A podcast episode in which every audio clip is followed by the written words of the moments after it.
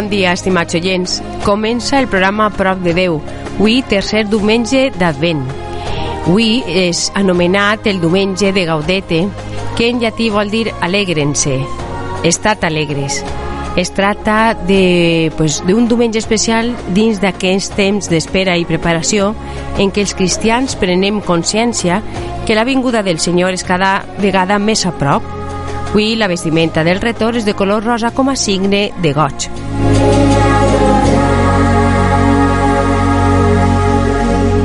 Este temps de preparació espiritual abarca quatre diumenges i avui s'unim a la Santíssima Mare de Déu en espera del seu fill, de, del seu fill Jesús que ja porta en el seu seno. I com bé sabeu la corona d'Advent s'acompanya quatre diumenges, estos quatre diumenges i cada dia, ca, bueno, cada dia no, cada diumenge anem encen, eh, encenent un dels quatre ciris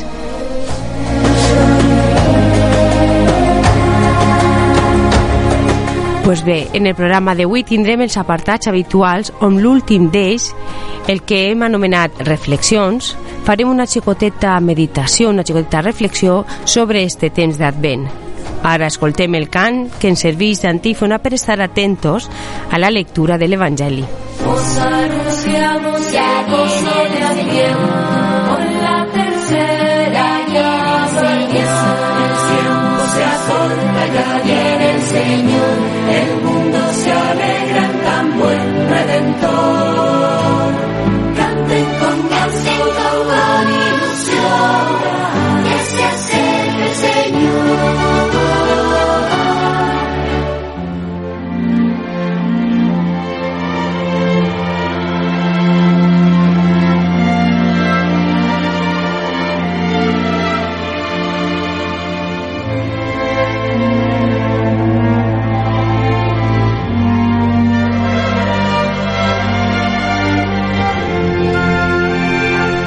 Evangelio según San Mateo.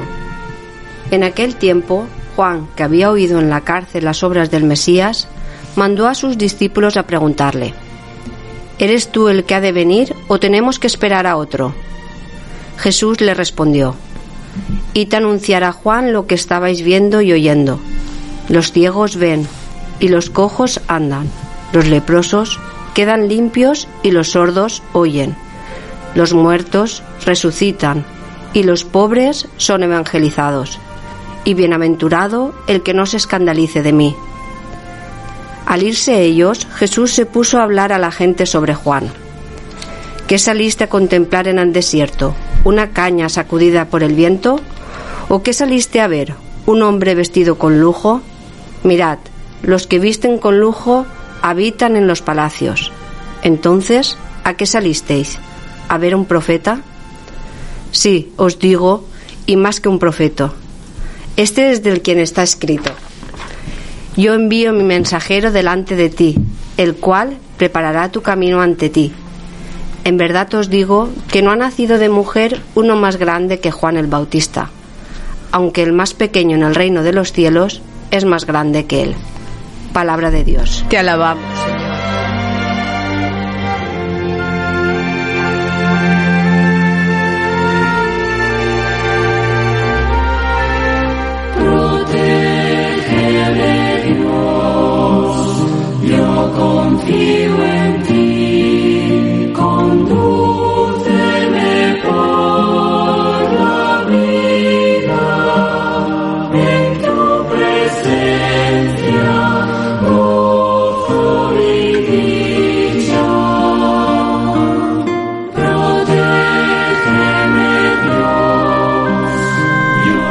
Se alegrarán el páramo y la estepa es el mensaje del tercer domingo de Adviento, es decir, de hoy, del domingo de Gaudete.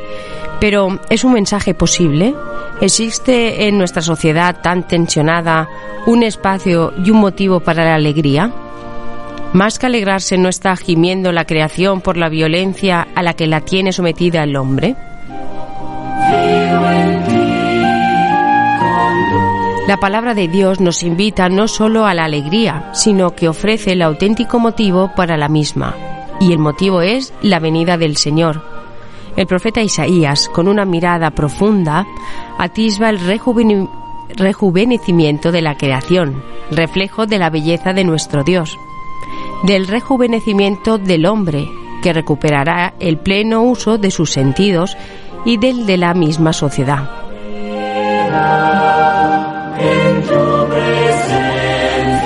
La alegría y la esperanza descansan, recuerda el Salmo responsorial de hoy, pues descansan en la fidelidad y la lealtad de Dios que vendrá para salvarnos.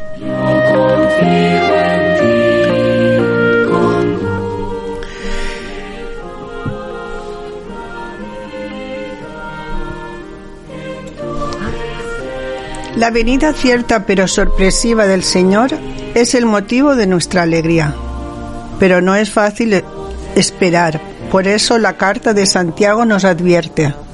Tened paciencia, hermanos, y manteneos firmes. ¿Eres tú el que ha de venir o tenemos todavía que esperar a otro? En esa pregunta se encuentra condensada la expectación de toda la historia humana. ¿Eres tú el agua viva, el pan de la vida, la luz, el camino, la verdad, la vida?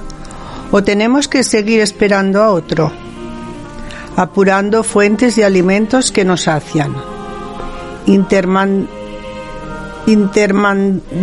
por caminos que no nos conducen a ninguna parte o que por lo menos no nos conducen a Dios? ¿Eres tú? Dichoso el que no se siente defraudado por mí. En realidad, Él, Jesucristo, no defrauda, porque vino a dar testimonio de la verdad pero sí que puedes sentirte defraudados, desencantados los que van tras él buscando otras cosas y no la verdad.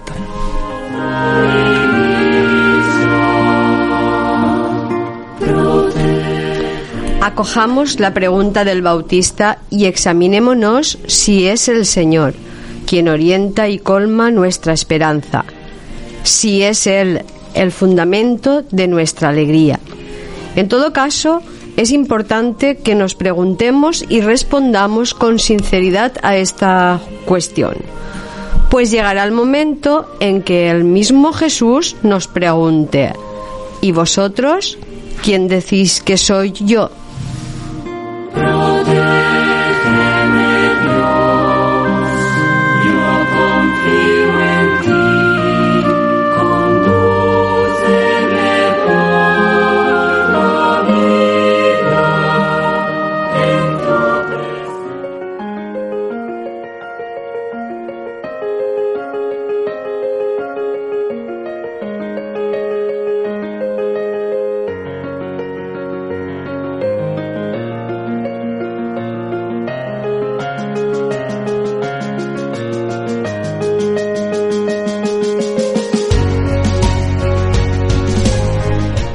Aquest apartat de grup cristià on anem coneixent entre molts alguns grups o cantautors cristians la seva música i un poc la seva vida o conversió pues com que estem en Advent i a més vam celebrar el dijous la festivitat de la Immaculada Concepció pues escoltarem cançons avui que ens parlen o bé d'aquest temps litúrgic o bé de la nostra Mare Maria.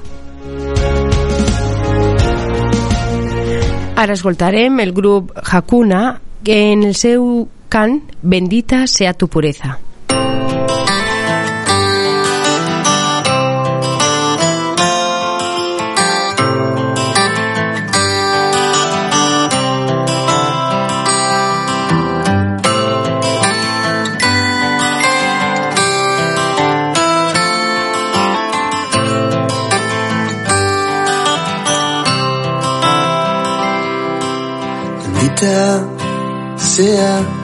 Pureza y eternamente lo sea, pues todo un Dios se recrea en tan graciosa belleza. A ti celestial princesa, Virgen Sagrada María, te ofrezco en este día alma, vida y corazón mírame con compasión, no me dejes, madre mía. Mírame con compasión, no me dejes, madre mía.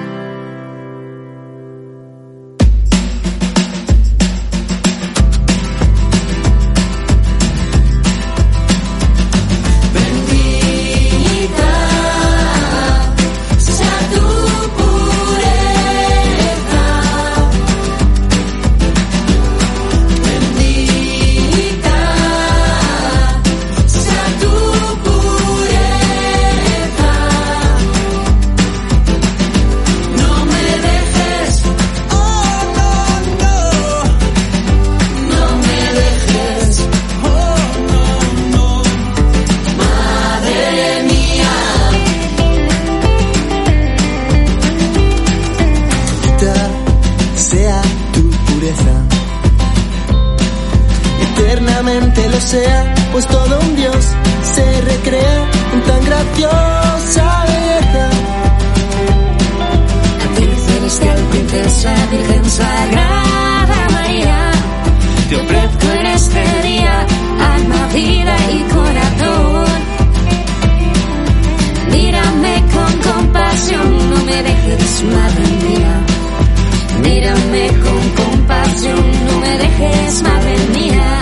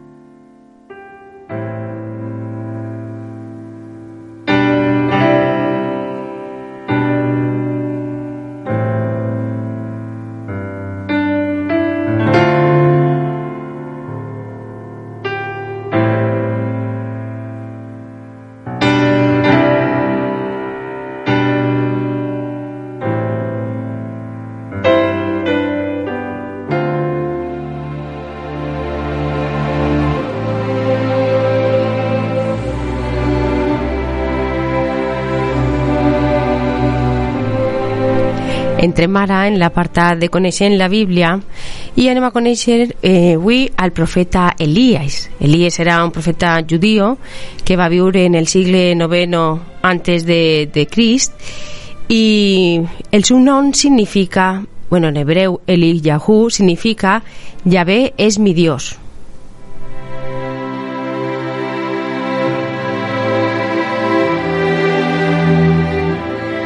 La, la missió d'Elias va ser, eh, en la història d'Israel, va ser la de traure de, atraure de nou als camins del Senyor a un poble pues, confundit, Israel. Va ser també Elias expulsat del país per obra de Jezabel i la seva desaparició, eh, perquè va ser arrebatat al cel en un carro de foc eh, ante els ulls del seu discípul Eliseo, pues va ser l'anunci, este fet, de que n'hi ha una vida més allà d'este món. La festivitat de Sant Elias la celebrem el dia 20 de juliol. I podem saber sobre ell en els llibres de l'Eclesiàstico, de Macabeos i també de Reyes. Avui, avui en el programa anem a dir pues, alguns de, pues, dels seus miracles i també un dels sacrificis que fa a Déu. Anem a escoltar-ho.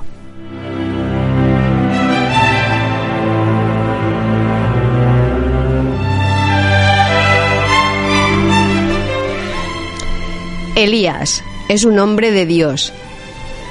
El Señor envía a Elías a una viuda de Sarepta, el milagro de la harina y el aceite.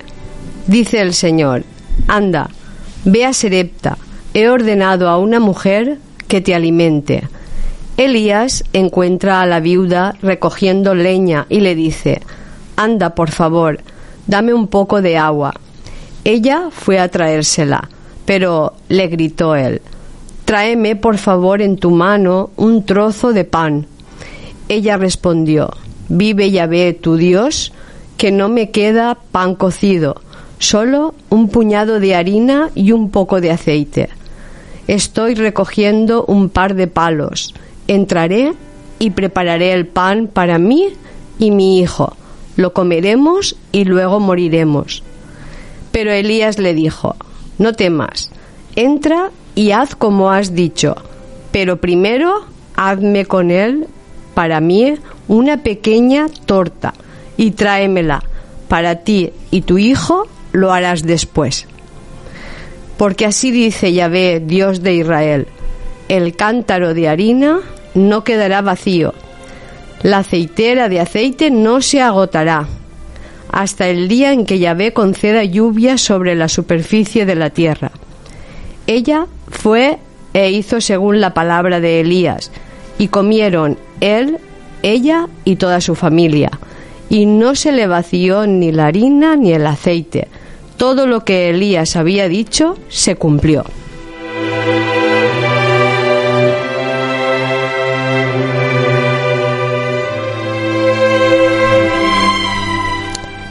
Este ha sido uno de los milagros. Ahora vamos al sacrificio. Elías hace un sacrificio en el Carmelo. Los israelitas danzan a la vez para Yahvé y para Baal. Elías dijo al pueblo, ¿hasta cuándo vais a estar cojeando sobre dos muletas? Si Yahvé es el Dios, seguidlo. Si en cambio es Baal, pues seguid a Baal. ¿Quedo yo solo como profeta de Yahvé, mientras que los profetas de Baal son 450? Y entonces hacen el sacrificio. El pueblo no respondió palabra. Elías les dijo, ¿quedo yo solo como profeta de Yahvé? Que nos den dos novillos, que ellos elijan uno, lo despedacen y lo acomoden sobre la leña, pero sin prenderle fuego yo prepararé el otro novillo y lo pondré sobre la leña, y tampoco prenderé fuego. Clamaréis invocando el nombre de vuestro Dios, y yo clamaré invocando el nombre de Yahvé. Y el Dios que responda por el fuego, ese es el Dios.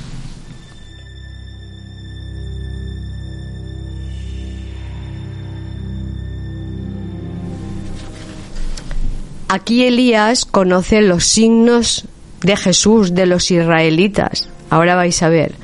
Dice, todo el pueblo respondió, está bien lo que propones. Elías dijo a los profetas de Baal, elegid un novillo y preparadlo vosotros primero, pues sois más numerosos. Clamad invocando el nombre de vuestro Dios, pero no pongáis fuego Estuvieron invocando el nombre de Baal desde la mañana hasta el mediodía, diciendo, Baal, Baal, respóndenos. Pero no hubo voz ni respuesta. Danzaron cojeando en torno al altar que habían hecho. Al mediodía Elías se puso a burlarse de ellos y decía, gritad con más fuerza, porque se ve que este Dios está algo agotado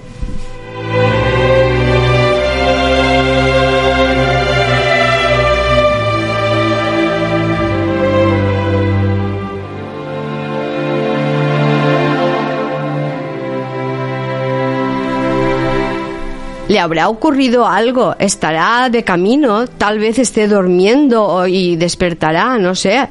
Gritaron con voz más fuerte, haciéndose incisiones según su costumbre, con cuchillos y lancetas hasta chorrear la sangre por sus cuerpos. Pasado el mediodía, se pusieron a hacer el profeta hasta la hora de la presentación de la ofrenda, pero no hubo voz no hubo quien escuchara ni quien respondiera. Entonces Elías dijo a todo el pueblo, acercaos a mí. Todo el pueblo se acercó a él. Entonces él restauró el altar de Yahvé que estaba demolido. Elías, ¿qué hace? Pues toma doce piedras según el número de las tribus de Jacob, los hijos de Jacob, o los doce apóstoles, lo que queráis, sobre el que viniera la palabra de Yahvé. Tu nombre será Israel, le dice a Jacob. Erigió con las piedras su altar y hizo alrededor una zanja de la capacidad de un par de arrobas de sembrado. Dispuso la leña, descuartizó el novillo, y lo puso sobre la leña. Dijo luego, llenad de agua cuatro tinajas y derramadla sobre el holocausto y sobre la leña.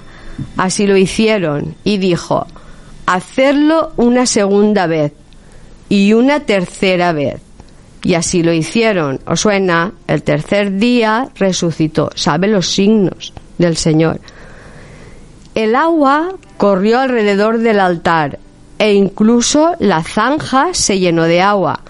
A la hora de la ofrenda, el profeta Elías se acercó y dijo, Yahvé, Dios de Abraham, de Isaac y de Israel, Jacob, que se reconozca hoy que tú eres Dios de Israel y que yo soy tu servidor, y que por orden tuya he obrado todas estas cosas.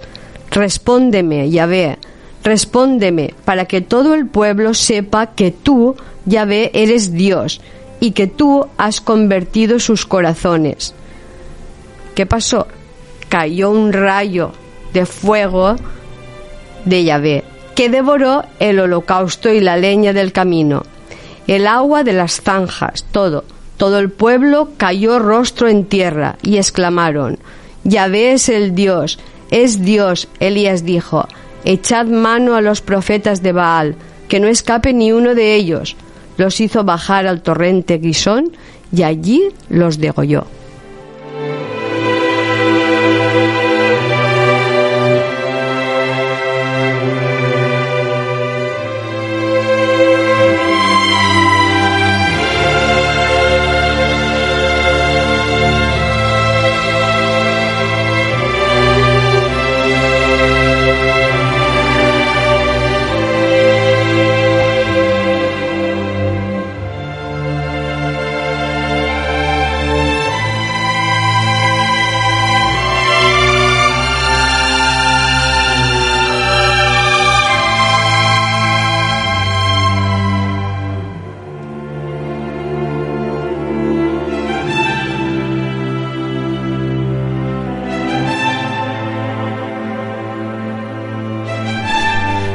Ara, a continuació, passarem a l'altra apartat de raons per a l'alegria i dir-los pues, això, que el que acabem de contar d'Elias en este pues, sacrifici del Monte Carmelo, pues, este profeta demostra a tots que Yahvé és el verdader Déu.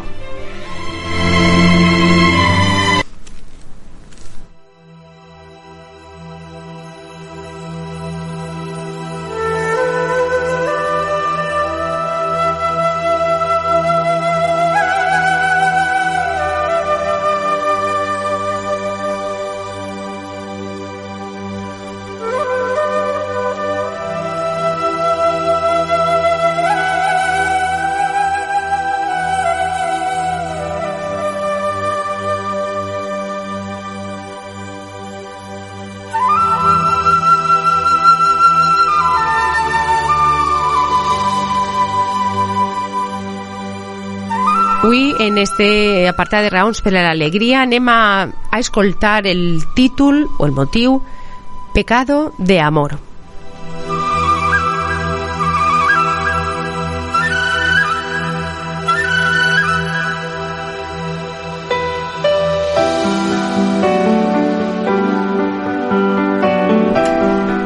Hay una frase que me pone enfermo, la que había, la que habla de los pecados de amor, y que a mí me parece tan contradictoria en sus términos como hablar de la nieve caliente o del círculo cuadrado.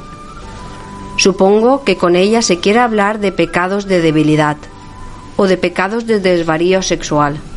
Pero, ¿por qué se dice? ¿De dónde se saca eso de pecado de amor?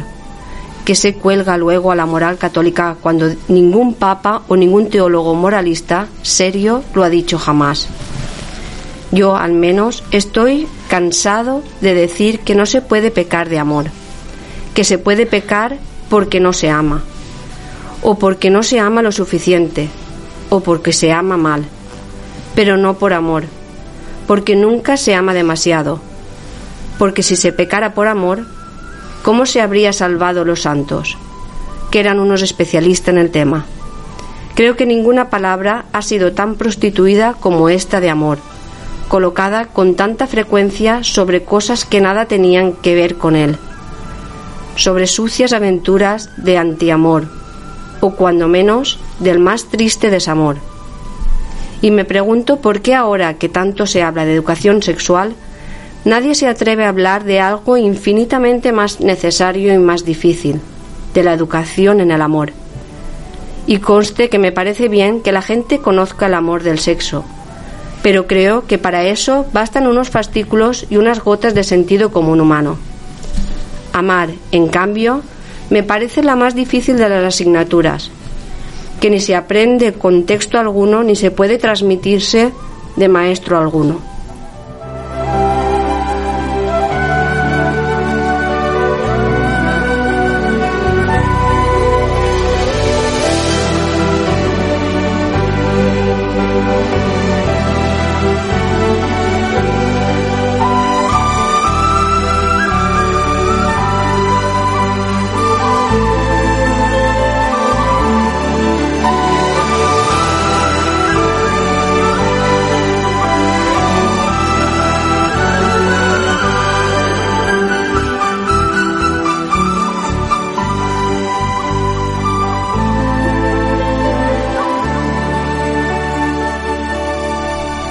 Aprendizaje de la vida entera porque no hay planta con mayor capacidad de florecimiento que el egoísmo.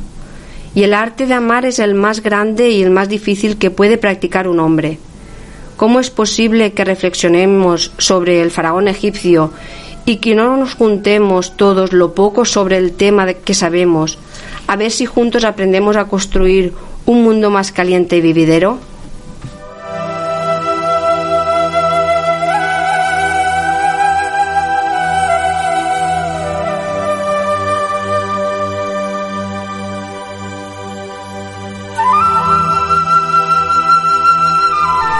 Aprender, por ejemplo, a distinguir el amor del afecto sensible hacia otra persona, de la admiración o de los deseos de posesión de otro, que pueden ser fenómenos que prolonguen o coinciden con el amor, pero que en realidad estos nada o poco tienen que ver con él. Con frecuencia converso con amigos que me dicen que han perdido el amor de determinada persona y yo siempre les pregunto si lo que han perdido es el amor o solo el afecto sensible hacia ella, si lo que han abandonado es la decisión de entregarse a esa persona o solo un cierto agrado o unos ciertos frutos placenteros que de esa persona obtenían. Y es que nunca he entendido que el amor sea algo que puede perderse como se extravíe un libro o un llavero, quienes dicen que se apagó tras los primeros entusiasmos o cuando perdió su novedad, mejor será que se pregunten si alguna vez lo tuvieron. Y quienes me dicen que el hombre va cambiando, que cambia el amado y cambia la amada, que las dos personas que hoy se decepcionan no son las mismas que hace diez años amaron, pues yo respondo siempre que un verdadero amor no acepta solamente a la persona querida tal y como es ella, sino también tal y como ella será. Porque un amor verdadero no puede ser otra cosa que una entrega apasionada a buscar la felicidad de la persona a la que se quiere. El amor tiene que ser don y solo don, sin que se pida nada a cambio. Es lógico que el amor produzca amor, pero me temo que no ame del todo quien ama para ser amado, quien condiciona el camino de ida con el precio de vuelta.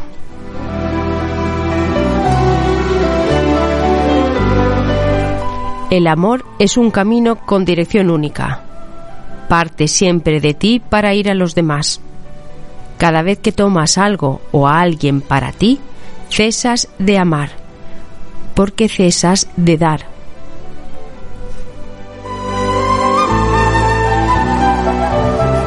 Si haces esto, entonces caminas contra dirección. Contradirección de este tipo de amores truncados, dice la moral, que son pecaminosos, no son el verdadero amor.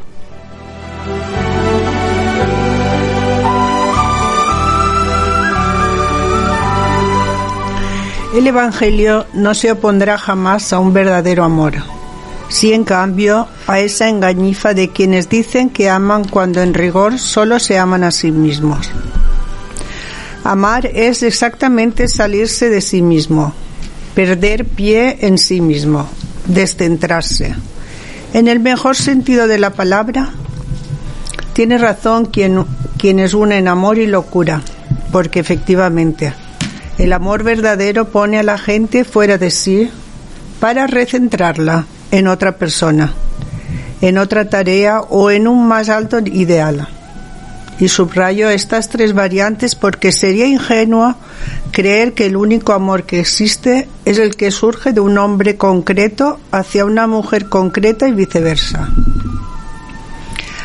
Hay tantas otras formas de amor, no menos altas, porque si no por amor, trabaja el investigador que con auténtica vocación hace su trabajo.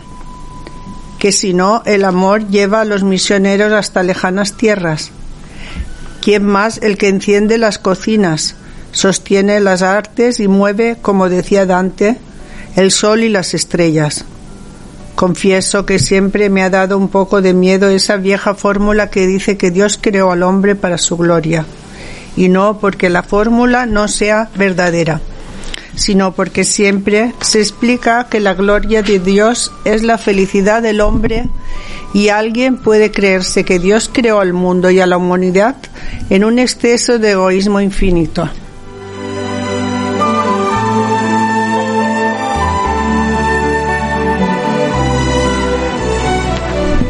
Por fortuna, Dios es el antiegoísta la creación fue su propio desbordamiento y nunca ha hecho desde entonces otra cosa.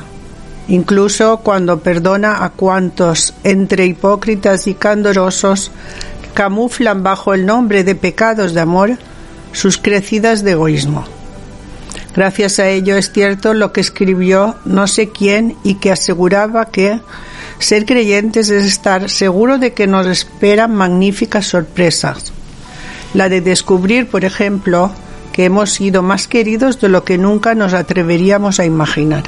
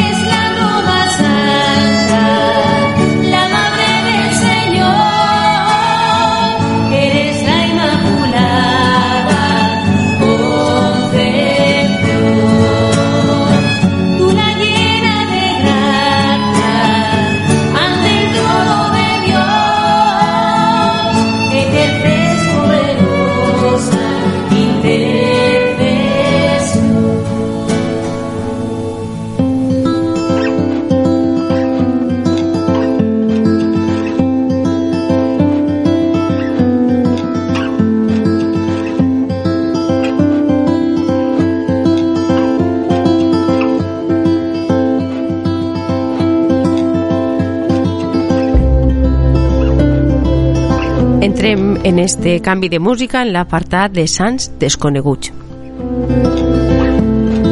Avui anem a a Santa Lucía.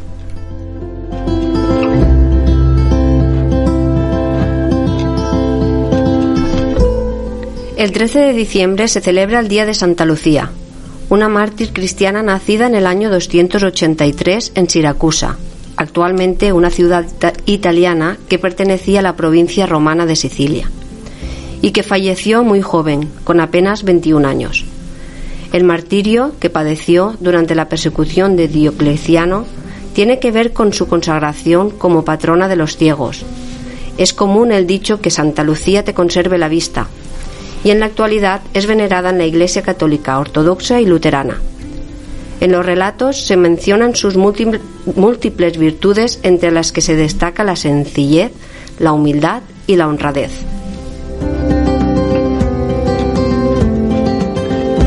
Anem a conèixer en més detall aquesta santa.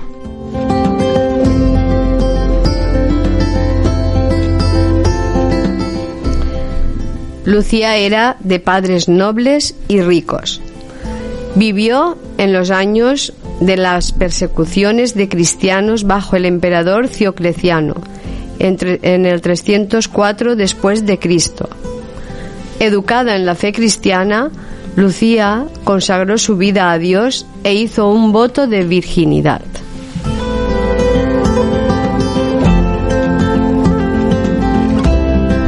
Según cuentan, su madre estaba muy enferma y quiso, antes de morir, que su hija se, casara con un joven pagano.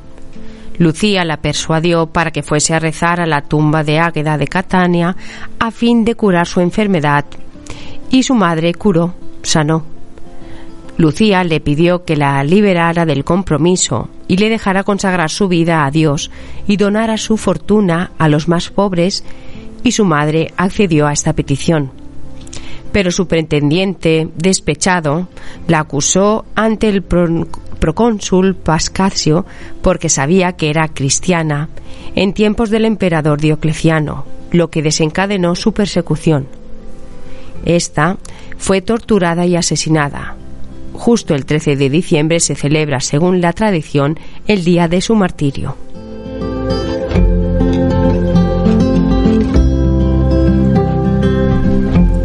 Santa Lucía en la iconografía cristiana se representa casi siempre con los ojos en un platito o una taza, pues según dice la tradición, ella llegó a quitarse los ojos en signo de rechazo a su novio y a las persecuciones que le hicieron.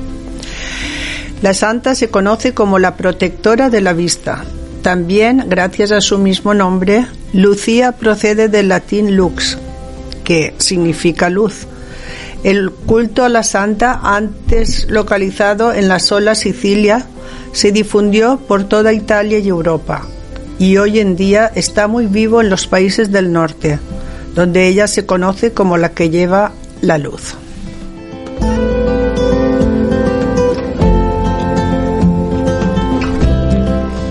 En Venecia pueden visitar las reliquias de Santa Lucía, sobre el martirio y muerte de Santa Lucía hay muchas leyendas y misterios. La versión más reconocida es que su muerte fue por un golpe de espada en la garganta. A pesar de la herida mortal, Lucía sigue exhortando a los presentes a seguir a Cristo, sin miedo. Su valiente testimonio termina solo cuando los compañeros a su alrededor pronuncian la palabra Amén.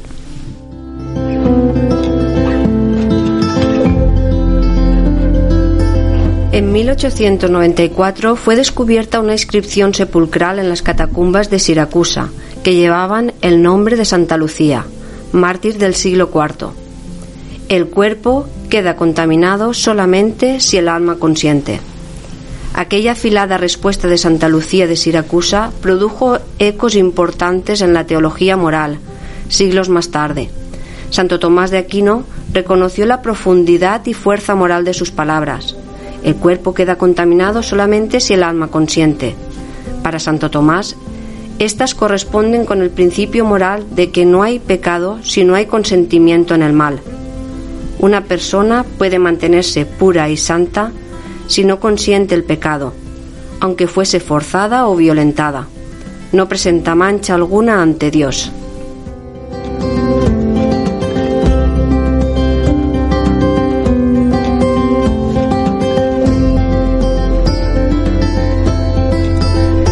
I ara, a continuació, anem a passar a l'apartat de reflexions, meditació.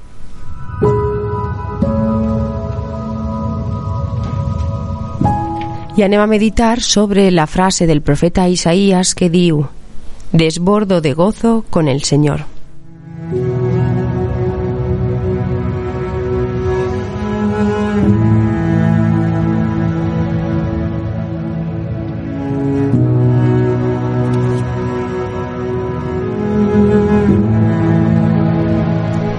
Con frecuencia nos quejamos de las cosas que nos rodean. Hay temporadas en las que cualquier conversación con otros se convierte en una aventura de crítica y desánimo. La situación política más cercana, la injusticia del mundo, los fallos de la Iglesia, la energía de los jóvenes, las dece- decepciones de la familia y hasta el tiempo que hace.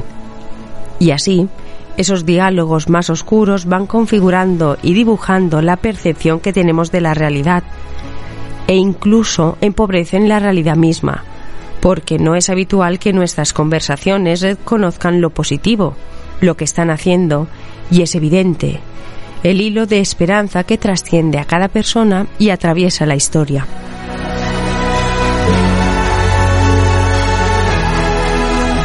Resulta que no lo vemos, pero sí existe.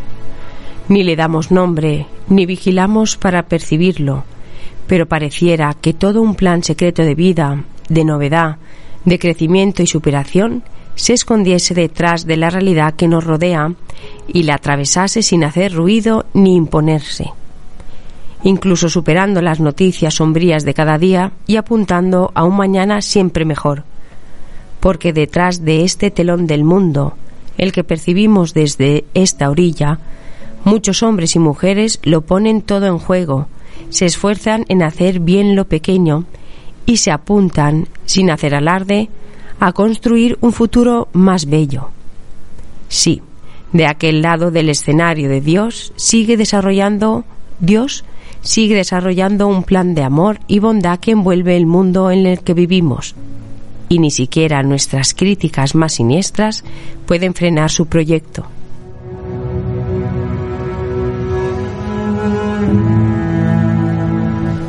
Lo propio de Dios es el gozo, frente a tantos que lo han dibujado como un aguafiestas triste, amargado y solitario. Y por ello, la plenitud de lo humano está en compartir la esencia de Dios que es su alegría. En ningún otro lugar podemos encontrarla con tanta fuerza y autenticidad, sin límites ni desazones. La verdadera felicidad consiste en participar de la dicha de Dios. Sabemos que hay testigos. Lo hemos conocido y tratado alguna vez. Nos ha emocionado la simplicidad con que reparan las grietas del mundo y lo hacen avanzar. El, el valor que le dan a los gestos pequeños que humanizan y construyen. Promueven el perdón y las sonrisas, el amor y la generosidad. Nos enseñan la verdadera alegría al margen de posesiones o caprichos afectivos. Y no, no están lejos. Se mueven a diario por nuestras calles y se sientan en el mismo vagón de tren. No llevan la capa de los héroes, pero sabemos que son perfectamente humanos, y con eso nos basta.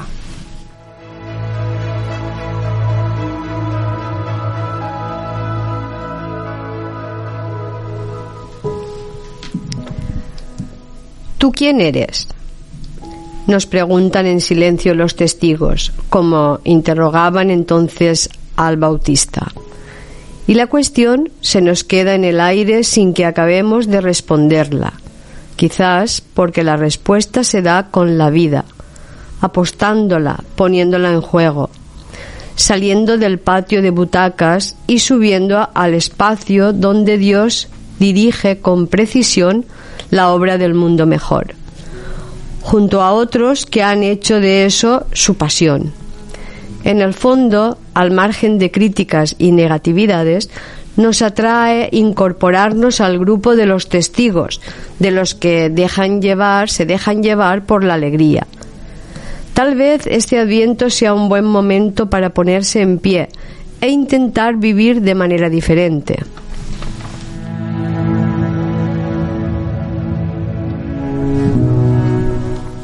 En este mundo tantas veces racional y frío, hay quienes ponen calor y claridad, porque han conocido la luz y son sus testigos.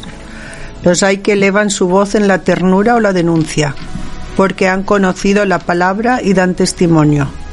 Otros simplemente se saben teloneros y cantan sencillas melodías.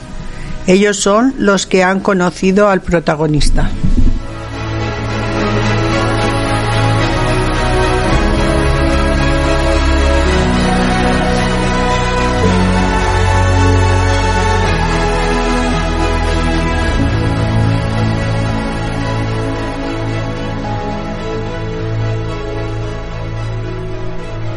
I ara anem a escoltar un cant de Verònica que es titula Llena de gràcia.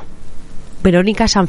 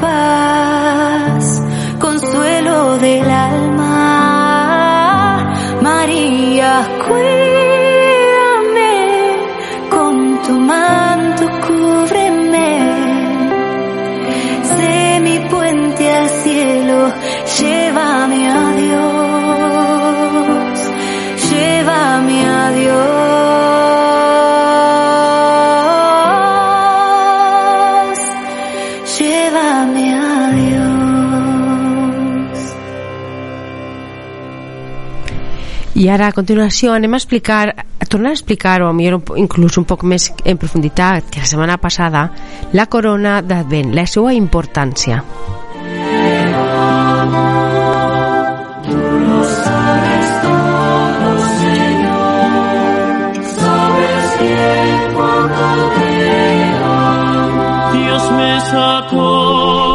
Es que la corona de Adviento es un elemento que domingo a domingo nos recuerda que se acerca la celebración del nacimiento de Jesús. Se acerca la Navidad y muchas casas pues se llenan de adornos acorde a esta celebración, árboles, luces. Pues en estos adornos muchas veces ponemos una corona en las puertas, pero pocos, pocas personas, pues conocen la importancia e incluso los beneficios que tiene el colocar la corona de Adviento. Lo primero que debemos tener claro es que la corona no es un adorno, sino que es un elemento que domingo a domingo nos recuerda, pues que se acerca el nacimiento de Jesús y a la vez también nos invita a esperar con entusiasmo y a prepararnos para esta gran celebración. Una corona, la corona no tiene que ser pues la más hermosa ni la más cara, solo debe tener los siguientes elementos. La forma circular que simboliza que el amor de Dios es eterno, ya que no tiene ni principio ni fin. También deben tener pues algunas ramas verdes, y es que este color significa la esperanza, la cual tenemos presente en nuestra preparación a la llegada de Jesús. Tiene cuatro velas y en el centro la blanca, aunque las otras también puede ser lo que significa pues ya cuando llega la Navidad. Y estos estas cuatro velas significan los, los cuatro domingos antes de la celebración del nacimiento de nuestro Salvador y que cada, cada domingo se va encendiendo una según corresponda el color o si son todas blancas pues también. También se debe poner, si se puede, o sí que se puede, bueno, un listón rojo que simboliza el amor de Dios a nosotros, al hombre, y el amor también nuestro hacia Dios. Es-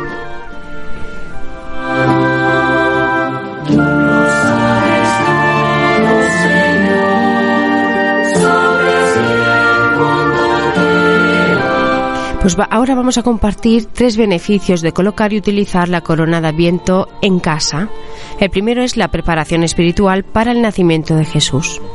Adviento significa espera y es ahí donde tenemos que poner énfasis al hablar de esta corona de Adviento, ya que no la debemos de ver como un simple pues un simple elemento que decora, sino como un elemento que nos ayuda a reflexionar, a esperar y a prepararnos para que nazca Dios, para que nazca Jesús en nuestro corazón.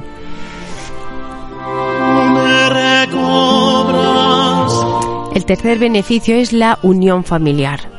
Este es uno de los grandes beneficios que nos da el tener una corona de Adviento en casa, ya que es una ocasión para reunirse la familia y, rezar juntos. Después de este momento podremos regalarnos otro espacio como familia, pues el hablar, el cenar, estar juntos, pero rezar eh, unidos, pues eh, frente o al lado o de la corona de Adviento. Y el tercer eh, beneficio es poner a Jesús en el centro de la familia. Nunca debemos olvidar que lo importante es poner a Dios en nuestra vida. Poner, colocar a Jesús en el centro de nuestra vida, recordando que pronto pues celebraremos una fiesta grande. Y esta fiesta reúne a toda la familia. No perdamos esta oportunidad de que como familia nos preparemos juntos a la espera de esta celebración. Y cualquier rendija que pueda haber, pues pedirle que nos ayude a perdonarla y así celebrar en unión cristiana esta celebración de la Navidad.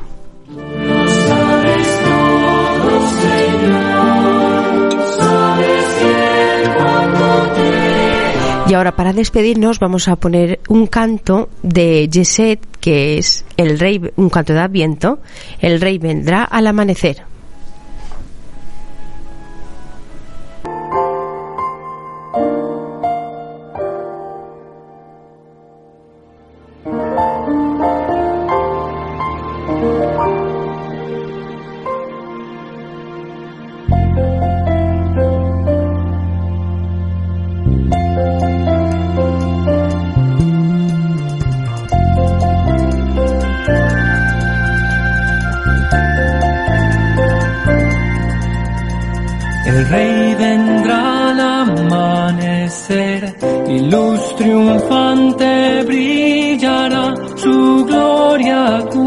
Cubrirá el país y el gozo abundará.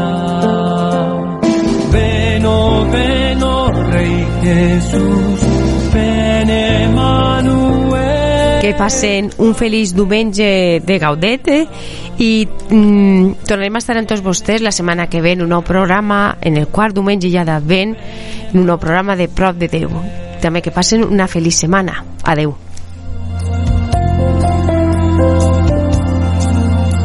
No como un niño como ayer, ya no vendrá a luchar, vendrá coronado de esplendor,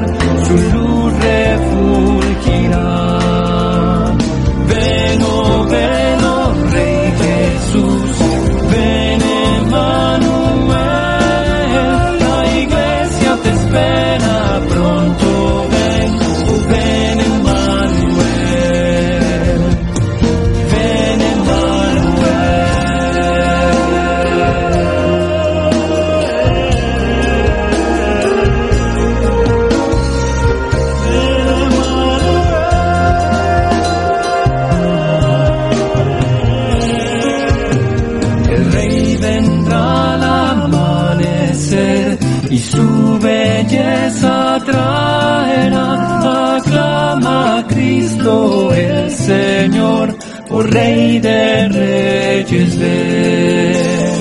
Ven, oh, ven, oh, Rey Jesús,